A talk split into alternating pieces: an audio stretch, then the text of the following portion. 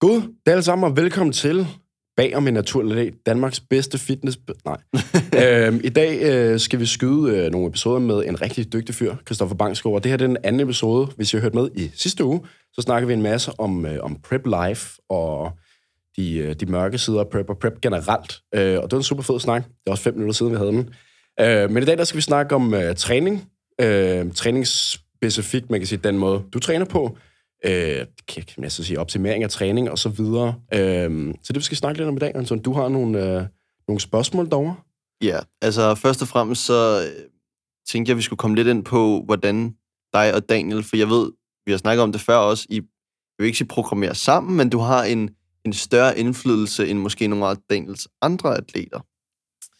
Ja, og det kan man sige, det kommer, det kommer nok to del. Det kommer både af, at jeg har været ved ham så længe, øh, det gør jo, at så, så, så har man mere og mere skulle have sagt, at man har en større større indsigt i, hvad man synes, der er fedt at lave, men jeg tror også, det er, fordi jeg som person interesserer mig meget for træning. Jeg kan godt lide at gå og nørde sådan små, de der små detaljer af træning. Øhm,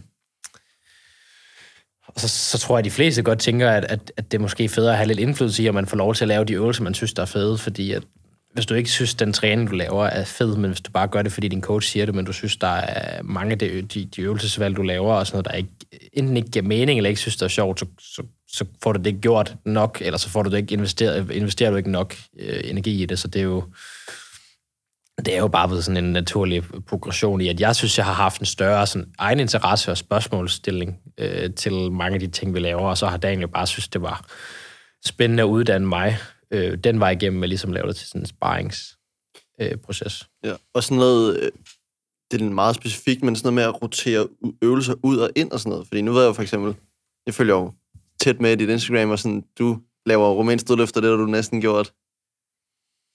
Jeg tror, jeg har lavet romansk dødløft fast som main løft i i hvert fald to år eller sådan noget. Det er det, jeg mener. Øh, og så har jeg jo, eh, og hvis jeg ikke har det, så har jeg lavet dødløft for gulvet. Nu dødløft er så slet ikke for gulvet lige nu, fordi at min mål er andre, altså, ligger nogle andre steder, men, men jeg har lavet en romansk dødløft fast en, i hvert fald en gang om ugen i to plus år.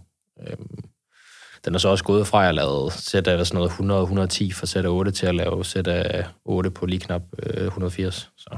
Og hvad har I gjort, for den ikke er sådan stagneret? Eller der er nogen, der siger, at efter 12 uger, så... Mm, Altså, der er jo også nogle øvelser, vi, vi cykler ud lidt oftere. Øhm, men jeg tror bare, sådan, de der helt basale løft, kan du øh, progressere på den ene eller anden måde i så lang tid, så fintuner man lige sin teknik og træder et skridt tilbage den vej, og så kan man ligesom lave et reset. Det har vi gjort et par gange undervejs. Øhm, men så tror jeg meget, at det handler om, at, at og det er også noget, det er meget, Daniel arbejder i, det er det med sådan lidt mere bølgende intensitet, altså hvor mange reps, jeg laver per sæt.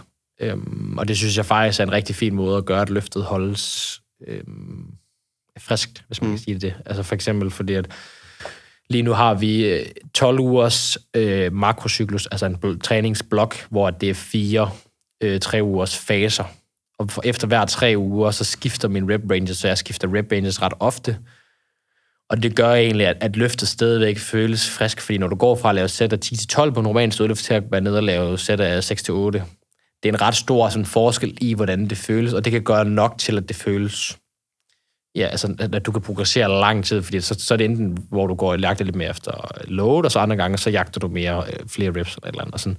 Det gør en, at du ret nemt kan holde din løft, øhm, altså undgå dem, at de stagnerer og bliver kedelige måske også bare, eller sådan?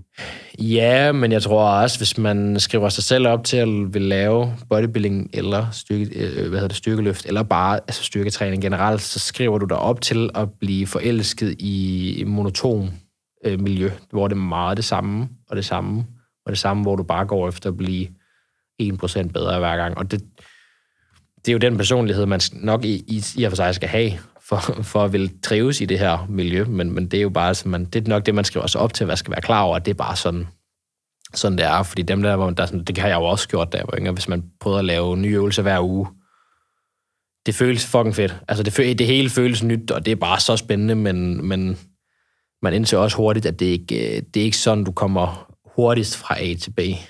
Øhm, og det, det, det handler jo bare om, at du forventningsafstemmer med dig selv, og bliver enig med dig selv om, at det, det er du okay med, at det er meget monotont det samme i lang tid. Så skal man bare synes, det er fedt. Altså, jeg synes jo, jeg synes jo stadigvæk, romansk stødelse er min yndlingsøvelse. Jeg har lavet det religiøst i så lang tid, men jeg synes stadigvæk, det er det, det, er det løft, jeg glæder mig allermest til at gå ind og lave hver gang.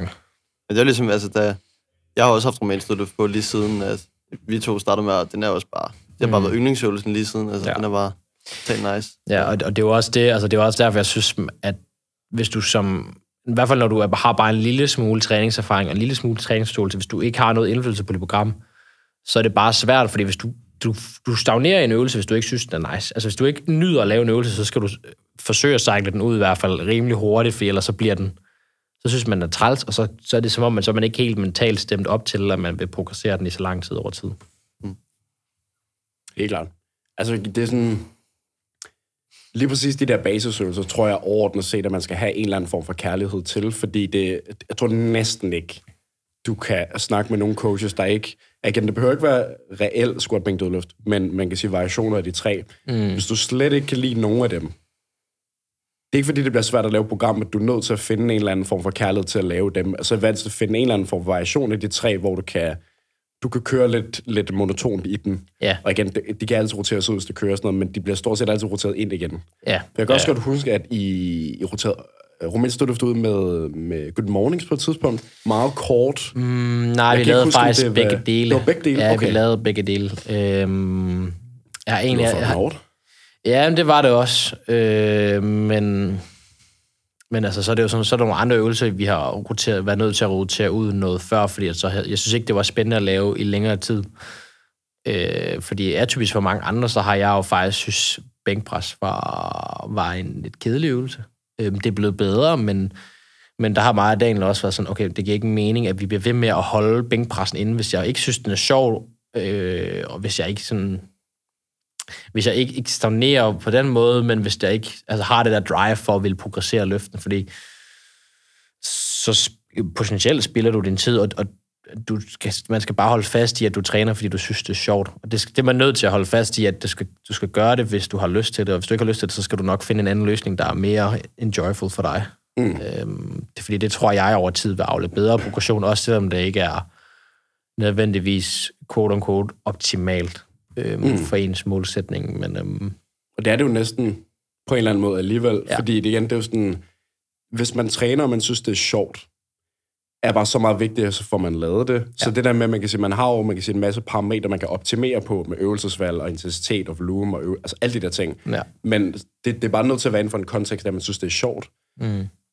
For det, så, man kan ikke sige igen, så kan man godt rotere ting ud, og ja, man, kan sige, man, man kan ændre de der ting, men så længe man synes, det er sjovt, så kan man godt gøre det på den lange bane, og det er ofte den lange bane, der er det vigtigste, consistency og så videre, men man kan godt være optimal og synes, det er pisse kedeligt, men så gør man det sgu bare ikke så lang tid. Nej, altså, nej, det er jo det. Øhm, og så er det jo selvfølgelig, man er jo nok nødt til, hvis man har et eller andet løft, man synes er super nederen, men man godt ved, det, det er nødvendigt for de mål, man nu har med sin træning, om det er styrke eller om det er fysik-wise, så er man jo nødt til at finde en mellemgrund, hvor du, du rammer lidt af begge dele. Altså, du synes, det er enjoyable nok til, at du gider lave det, men også stadigvæk er tæt nok på dit på det, der gør, at din målsætning kommer tættere på dig. Altså, sådan, altså du, du er nødt til at finde den der mellemgrund, hvis det er, at du har et problem med et løft, du synes, der er, er nederen, men, men du godt ved, at du, du så at sige er nødt til at lave. Øhm, og, det, det, og det er jo det, det kræver jo noget, både at, at du har noget erfaring med din træning, men det kræver også, at du har enten noget viden eller en coach, der kan, du kan spare med, om der, der kan styre dig den vej, så det giver mening mm. øh, for, for begge dele, så du både synes, det er fedt, men også, at det er, ja, er, er til, hvad du skal bruge i din målsætning.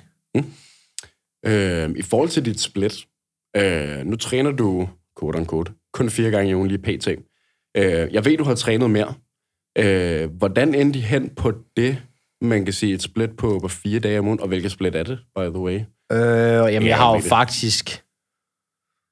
Jeg tror, jeg har haft nogle få faser, hvor jeg har kørt push-pull legs op og lower, altså fem dages split. Men det er meget... Det kan tælles nærmest på to hænder, hvor mange faser jeg har haft, eller på en hånd, hvor mange faser jeg har haft af dem. Jeg har kørt op og lower split øh, siden altid med Daniel. Mm. Øh, så er det, det har langt hen ad vejen, var det tre overkropstræninger, to underkropstræninger, og nu er det så bare op og lower, op og lower. Øhm, Hvordan endte I derhen? Altså, det var egentlig... Det var egentlig lidt, ikke en tilfældighed, men det var et, øh, en konsekvens af, at vi i i lockdown nummer... Det må så næsten have været lockdown nummer to. Nej, jo, lockdown nummer to, tror jeg, det var. Øhm, fordi jeg, jeg havde jo mit øh, home gym, som lå en halv times kørsel derud, og en halv times kørsel øh, hjem. Og jeg oplevede, at når jeg havde studie, og vi havde Kenya, jeg skulle passe som min hund, øh, og, og, og skulle passe min skridt og sådan noget. Når jeg brugte så lang tid på at køre frem og tilbage, så kunne jeg ikke... Det stressede mig mere, end det gavnede mig at have den der femte session om ugen. Øhm, så mig og Daniel tog bare valget, sådan, øh, lad os prøve det her fire gange om ugen. Øhm, og det har bare været en kæmpe net positiv at træne mindre, fordi man indser rigtig hurtigt, at less is more. Øhm, hvert fald i mit tilfælde her, fordi jeg fandt ud af, at den der tredje overkropstræning, jeg havde, der var... Det var øh, for det første en rigtig meget altså fluff arbejde. Øhm, så meget arm, meget sådan lidt mere sådan, øh, jeg kan sige, la la øvelse med lidt mere accessory arbejde. Øhm, og det var ikke altid, jeg var lige motiveret til det, men det var også lige så meget, det tog noget recovery fra, fra mine andre sådan, hovedtræninger. Øhm, så, så jeg tror egentlig bare, at vi har konkluderet, at det var net positivt at lave mindre, fordi at mit, mit arbejde på de andre stationer, jeg så havde, bare var det bedre. Mm. Øhm, og det er jo derfor, at jeg, sådan, jeg bliver altid meget skeptisk, når folk træner mere end fem gange om ugen. Mm. Øhm, altså det, og, det, og, det er sådan, og det er sjovt nok også, at det i mere eller mindre alle tilfælde er, fordi de enten ikke træner hårdt nok, eller bare laver for meget, altså laver, overtræner øh, konsekvent og kronisk. Øhm, men det har været spændende, øh, fordi man skal lige pludselig blive endnu bedre venner med at have rest days. Jeg tror, at de, jeg taler for de fleste, især hvis man er sådan meget sådan ung, eller ikke man er ung, men hvis man er meget så motiveret om sin træning, så sådan de der rest days, det er måske ikke det, man synes, der er så fedt. Øh, man skal ligesom, man bliver, man bliver rigtig god til ligesom at lære og acceptere de her rest days, og sådan synes, det også kan noget. Øh, og der tror jeg bare, jeg indså ret hurtigt, at det, jeg reframede det til, så havde jeg så meget mere tid til alt muligt andet. Øhm, og det kan være svært. Altså, det kan være rigtig svært, som, som hvis man er meget passioneret om sine mål, og, og have det der i tankerne, fordi ens mål føles så vigtigt. Øhm, man ligesom kan frame det anderledes til, prøv at se alt det andet, jeg har tid til. Øhm, og det tror jeg bare har været øh, rigtig rart, både mentalt, men også fysisk, at, at kunne træne så lidt, hvis man, mm. kan, hvis man kan kalde det lidt. Det er jo stadigvæk meget. Altså, hvis jeg spørger nogen af dem fra klassen, så er det jo sådan noget, de træner to gange om ugen, og synes, det er meget, ikke? Så sådan, ja så det er sådan, det er også, man skal også måske lige have sådan lidt perspektiv på, hvor meget fire gange om ugen egentlig er. Ja. Øhm, så vil jeg lige snakke lidt her om i jeres off-season, eller din off-season med Daniel. Øh, hvordan har jeres tilgang været til sådan noget weak points, og hvad er dine weak points? Og... Mm, jamen, det har jo egentlig været det samme weak points altid. Mm. øh, jeg har altid haft ryg og arm som vores hovedprioriteter. Øhm, og jeg tror faktisk egentlig næsten, jeg laver mindre til ryg nu, end jeg gjorde engang, men til gengæld er kvaliteten af det, jeg laver, blevet meget højere, så det, øh, og det falder jo lidt i samme båd med det der med, at vi træner fire gange om ugen, at, at målet er bare, at, at kvaliteten skal være der også. Øhm, så sådan folk, når folk vil træne med mig, så er det sådan, ej, skal vi ikke træne ben? Fordi de fleste ved, at mit strong point er min ben, så de tænker, at det kan han fandme finde ud af træne, og det kan jeg også. Men jeg tror faktisk næsten, jeg er bedre til at træne sådan noget som ryg nu, end jeg er til at træne ben, fordi jeg har, for mig har det været så meget sværere at få min ryg til at vokse, jeg har skulle bruge mere øh, energi og tankekraft på at blive, altså få den til at vokse, fordi mine ben, jeg skal bare kigge på dem. Jeg skal lige lave et par squats og lige kigge på dem, og så lige flex dem, så vokser de. Ja.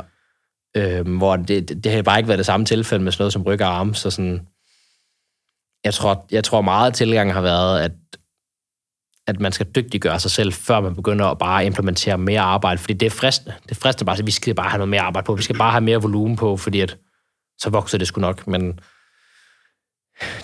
det tidspunkt, vi har lavet bedst progression på min ryg nu her over den her offseason, der har jeg lavet, altså jeg laver stadig meget arbejde til min ryg, men jeg laver mindre, end jeg har gjort førhen. Hvor mange sætter det på ugenlig basis?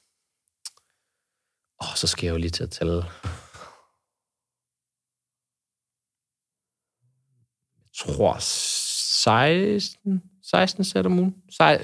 Og sådan 16 max 18 sæt, tror jeg. Jeg tror ikke, jeg har været... Når det har været på det sæt højeste? Ja, det tror ja. jeg, deromkring. Øh, og faktisk lige nu sådan noget som arm. Nu havde jeg godt nok en armtræning inden om ugen, men ellers hidtil har jeg min meget del, stor del ofte trænet arm, sådan noget 6-8 sæt om ugen. Det kan jeg godt lide høre. Øhm, men til gengæld er med kvaliteten af mit arbejde også blevet det bedre, fordi jeg tror at nogle gange, man kan hurtigt, i hvert fald hvis man træner med de her RIA-principper, så kan man hurtigt bare være fristet til at bare tilføje en masse sets, øh, fordi at man tænker, volume er det, der driver øh, hypotrofi, men jeg tror nogle gange, at så taber man lidt sigtet af, at, at, at, at kvaliteten af det arbejde, man så lavede i forvejen, er det egentlig, hvad det, hvor det skal være. Øhm, så hvis man står derude og har nogle, nogle fysik-goals, og man tænker, ah, men det her er et weak point, og så inden man begynder at blive fristet til at bare implementere mere arbejde, så lige overveje, om i hvert fald lige sådan screen om ens kvalitet og ens indsats for det arbejde, man laver i forvejen, egentlig er tilstrækkeligt. Og det var ligesom det, vi har knækket koden med, at, at altså jeg tror, at kvaliteten altid har været høj med det, jeg laver, men jeg tror bare, at den er blevet endnu højere, efter jeg er blevet mere opmærksom på det, at jeg sådan, jeg har 16 sæt om ugen, jeg har ikke plads til at misse min indsats eller kvalitet af de 16 sæt, jeg har. Øhm, og det tror jeg faktisk er den største game changer. Hvad med sådan noget med, vi snakkede også med Mads i en forrige episode, det her med at filme sin sæt, øh, hvor han siger bare, at det er sådan, her sikrer vi jo ligesom, at kvaliteten nemlig bliver så høj. Det tænker jeg er et vanvittigt godt værktøj. Mm, altså, Altså, han er powerlifter, kan man sige. Ja, ja, ja Jo, jo, selvfølgelig, jo, jo, men stadigvæk. Men, men men, men det er faktisk generelt. noget, jeg synes, jo, jeg synes, det er overset i den fasong, at jeg filmer rigtig meget af mit øh, hvad skal man sige, mindre vigtige arbejde, altså mit accessory løft. Øh, jeg, jeg filmer også meget af mit armarbejde, fordi øh, og sådan, altså sådan folk, der træner i samme center som mig, de må tænke, jeg er skængerne sindssygt, fordi jeg filmer, jeg poster rigtig meget på mine sociale medier med min træning. Øh, men Har hvis, du stadig din anden telefon, du filmer på? øh, ja, det har jeg. Det har jeg. Stærkt. Ja, ja. Jeg, jeg, jeg, jeg, har, jeg blev introduceret til den, jeg var hos dig i, Ja, i lockdown. jeg har, jeg har en sådan- telefon, jeg har en, min gamle telefon er bare filmetelefon, og så har jeg min anden til at syge musik. Øhm, Det ser fucking stærkt. ja, men, men altså sådan, hvis du ser mine øh, fotoalbums, mængden af sets, jeg filmer fra en træning, er absurd. Det kan hurtigt være alle mine sæt på min mainløft, og det kan hurtigt være alle sæt af min, min accessory-arbejde også. Øhm, og så er der jo sindssygt, så tænker folk, at du poster så meget. Ja, men jeg, jeg poster ikke en brøkdel af, hvor meget jeg filmer. Poster 10 procent af det. Ja, ja, hvis der overhovedet er det. ja. Øhm, men det har helt sikkert været den største driver til, at min, min kvalitet i min træning er blevet så meget bedre, fordi at det holder en så accountable for, hvad du laver. Øhm, Du kan ikke bare så se videoen, se alle dine fejl og være sådan... nej, lige præcis. Og så tror jeg også, altså nu poster jeg jo så meget af min træning, så, hvis, så sådan, det holder mig accountable i den forstand, at, at jeg gerne vil poste min træning, bas- basically alle mine træninger på mine sociale medier, men hvis jeg, altså sådan, så hvis jeg laver et dårligt sæt, så kan man godt være fristet til enten ikke at poste, eller bare sige, ah, men fuck det. Men sådan, du ved, så, har jeg, så griber det anden, så, sådan, så skal min kvalitet bare være det bedre. Så filmer jeg næste sæt og tænker, så bliver det bedre. Mm. Eller så poster man sin dårlige sæt og viser, det her, det er ikke, både for sig selv, men også for dem, der følger med, at, at det her, det er ikke godt nok i forhold til, hvor jeg tilstræber mig. Det skal jeg have fikset. Øhm, så sådan, det holder mig enormt accountable. Øhm, og det har i hvert fald været med til at højne, at øhm, hvert fald meget af det feedback, jeg får fra folk, der skriver til mig på sociale medier, at de synes, det er fedt at følge med i en, der så konsekvent træner så pænt eller godt, eller hvad man nu skal kalde det, ikke? Og det er udelukkende, jeg tænker bare lige på sådan, udelukkende positive ting, du får på sociale medier, eller... Øh, jeg får i hvert fald ikke meget negativt. Ikke endnu. Øh, heldigvis, men altså, man siger, jeg tror også, jeg får nogle gange lidt, øh, når jeg sådan stikker lidt til folk, der, der ikke træner, der, så der træner i meget kort bevægeudslag, så får jeg en gang imellem en lille smule pushback, men det er meget, meget minimalt, men jeg holder mig også fra at være sådan ret... Jeg, føler, jeg bruger, jeg kommer ikke ret meget ud med mening om andre. Du er ikke kontroversiel på den måde, nej. Nej, nej, det, det, det forsøger jeg i hvert fald ikke at være. Nej. Jeg prøver egentlig meget hen ad vejen bare at passe min egen bæks. Øhm, så kommer der lige en gang imellem lige en spids kommentar, som nogen synes er lidt... Og det er også fair Det nok. skal der også være. Ja, og det synes jeg sådan set også, der skal være plads til, at folk skal, skal kunne sige, hvis de synes, jeg siger noget, der er, ikke er i orden. Ikke? Altså sådan, det kan man hurtigt blive meget defensiv omkring. Men, øhm, men nej, det er meget, meget sparsomt, hvor meget negativt jeg får af feedback endnu. Nu må vi se. Altså, det kan jo nu ændre Ja, sig. det kan man sige. Det er, det er sjovt, fordi jeg, i går fik jeg en besked omkring, fordi jeg, jeg igen, jeg havde også filmet noget med træning, lagt det op, og så øh, havde jeg kommet, fordi min, min øh, havde jeg kommet, mit øh, venstre skulderblad, hvad hedder det, øh, har, er rigtig tight, mm. så min lat pull down skal jeg virkelig fokusere på, man kan sige, at det er meget, at min bevægebane ikke bliver virkelig skæv. Ja. Og så skrev jeg, man kan sige, en tekst i min story, at det ikke rigtig havde lyst til at arbejde med mig den dag, og så fik jeg en besked, hvor der stod sådan, det var noget med, at du brokker dig godt nok meget, eller der er godt nok meget, du er et eller andet over din træning, mm. hvor jeg sagde sådan, jamen det er egentlig, fordi jeg holder, mig, holder forholdsvis høje standarder for mig selv, og egentlig gerne vil prøve at vise det udad til, som du selv siger. Ja. Har du nogensinde fået, man kan sige, en kommentar på det, at man kan sige, det kommer lidt an på personen, der modtager det. Hvis dine standarder, personens standarder ikke er samme sted, så kan de meget hurtigt måske, hvis man tager det til sig, mm, føles som, at sådan, så træner man ikke godt nok, fordi nå, det skal være lige så flot som ham der på de sociale medier-agtigt. Øh, altså, hvis jeg har fået, jeg har fået lidt af den der feedback med, at hvis jeg kritiserer et eller andet ved mig selv, eller sådan, er sådan lidt efter min egen teknik, altså kan godt folk sådan, "Ah, det der det er stadigvæk langt bedre end de fleste, og sådan, og jeg kan godt forstå, hvor de kommer fra, fordi man kan hurtigt føle sig truffet med, og sådan, altså føle, at det er et, en stikpille til, til dem, der følger med, ikke? Men, mm. men, men det er jo bare, altså det kommer an på, hvor ens målsætning er, og mine målsætninger og mine krav til mig selv er bare så høje, så sådan, det kræver bare, at jeg, altså man siger, jeg, ikke- jeg, jeg opfylder ikke de krav, jeg har til mig selv, og det gør jo ikke, at det er ensbetydende for, hvordan andre har det. Øhm, Nej, det er lige det.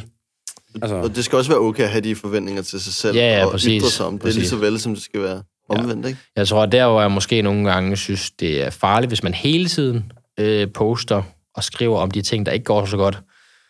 Øh, det er meget, meget sjældent, for eksempel, hvis jeg har haft en dårlig dag, og min træning ikke lige spiller 100%, det er meget sjældent, jeg skriver, øh, egentlig skriver det, altså sådan, så har min træning dårligere, end jeg måske lige havde ønsket. Men så er det ikke sikkert, at jeg skriver det, fordi nogle gange kan det godt føles som udadtil, som om man bare finder på, på undskyldninger, hvorfor at man øh, har en dårlig performance. Og det synes jeg desværre nogle steder er blevet lidt en trend, at man hurtigt, hvis alt ikke lige går, ligesom man gerne vil have det, så, så finder man på en eller anden undskyld, jamen det er også fordi, jeg har sovet dårligt. Jamen det er også fordi, at...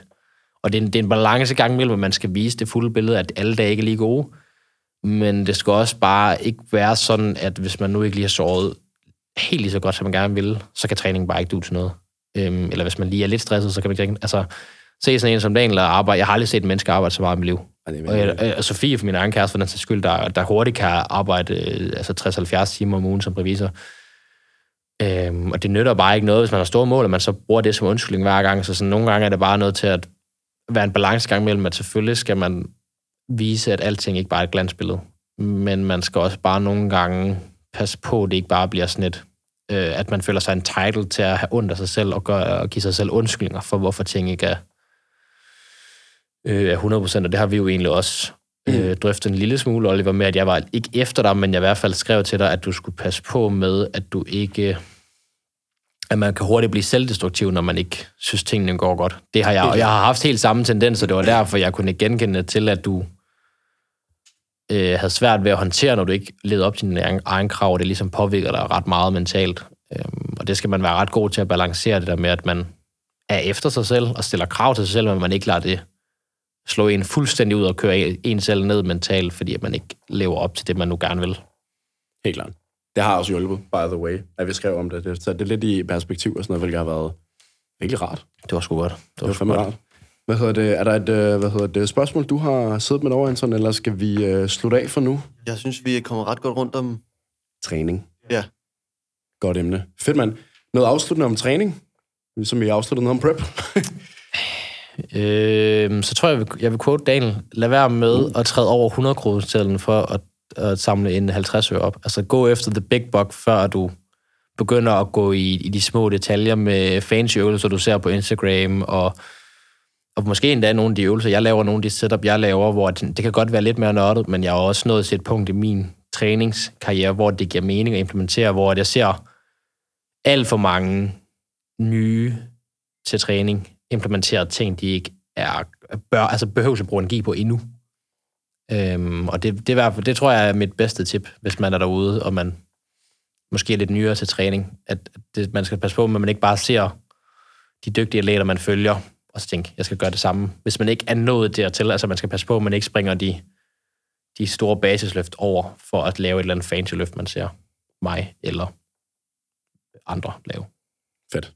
Det er simpelthen en god måde at slutte af på. Det er også en meget en trend, der er meget betydelig lige nu, så det skulle meget godt lige at få det lige sat et par, par skridt ned, så det ikke oversager det hele. Mm. Jamen, øh, fedt. Super god episode. Øh, og tusind tak til, øh, ja, tusind tak for, at I har lyst til at lytte med. Øh, som jeg sagde i sidste episode, I kan finde øh, Christoffers socials nede i øh, noterne.